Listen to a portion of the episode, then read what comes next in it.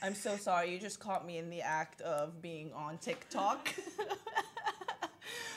we are back for today's Lovin Daily Live. My name is Shireen. Alan is behind the camera, and you know, it's gonna be a lot of bands today. But we've got a couple of pretty interesting stories that we have to run down. As you know, the Lovin Daily Live gives you a rundown on the trending stories. Why do you keep laughing, Alan? Is there something wrong with my face? You're embarrassing. Rude. But anyway, um, before I start, can I just say I went to the um, Jo Koy show at the Coca Cola Arena last night and it was fabulous.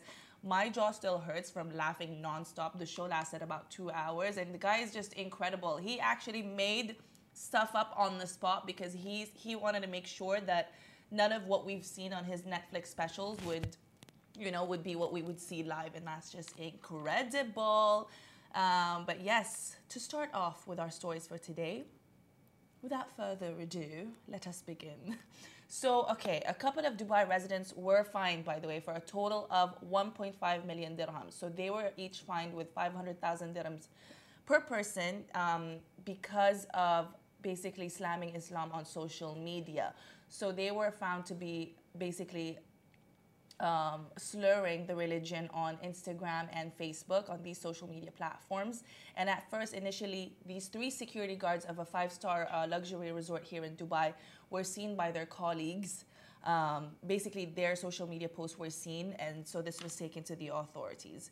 By the way, this case um, took place on May 19th of last year and uh, at the moment they are still detained um, and they are ready to be deported basically after paying off the fine. So this just goes to remind us that do not discriminate religion race or anything because it is not going to be tolerated here in dubai.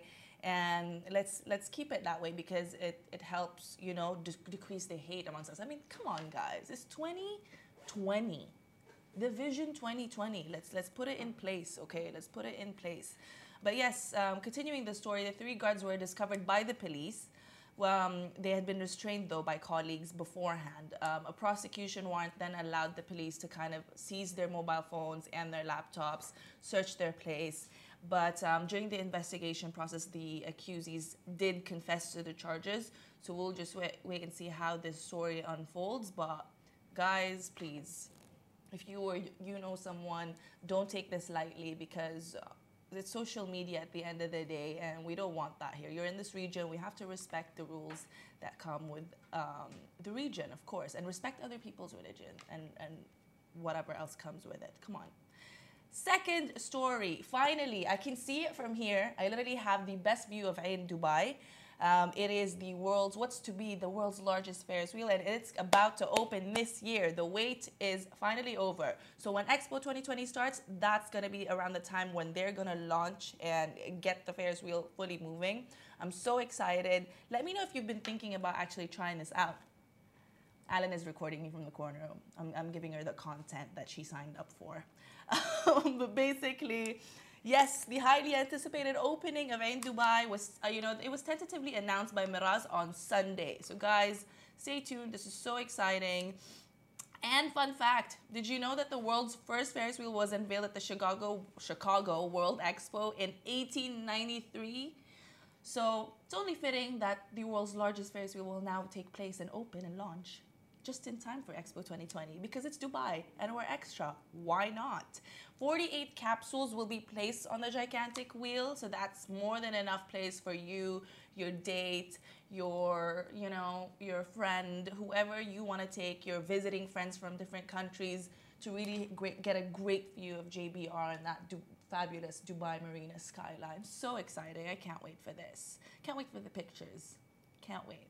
Um, and on to our last story. I don't, I, I'm sure you guys have heard now. Every year, um, His Highness Sheikh Hamdan bin uh, Mohammed bin Rashid Al Maktoum, Dubai's crown prince, they actually do this thing where they assess the services of all the government sectors and uh, um, entities here in Dubai.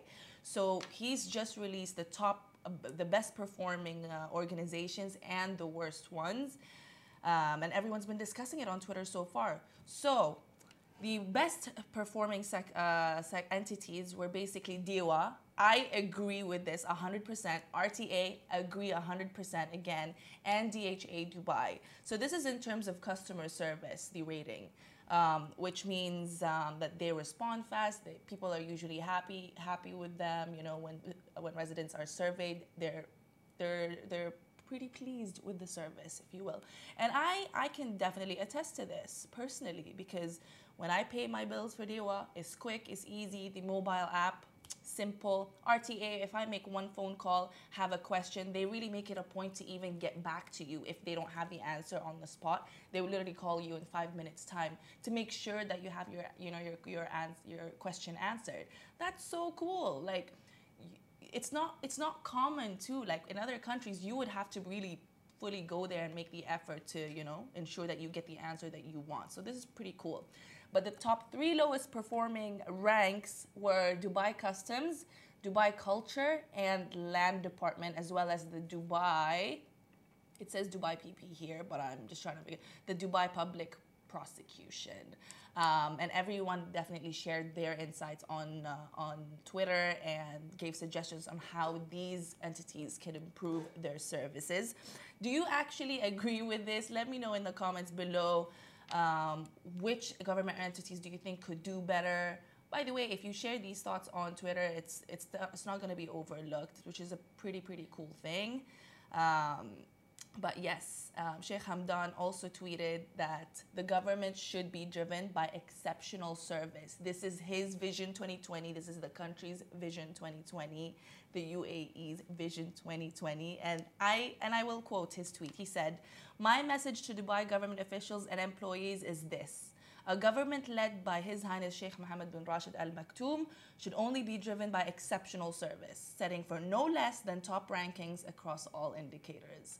I love that this is being put in place. I love that they really take this seriously and he takes the time to really, you know, watch and put in place. And um, by the way, guys, the Dubai Customs is totally uh, taking this feedback into into a positive note and they have vowed to work harder to achieve better results which could only mean better things for all of us as a whole you know?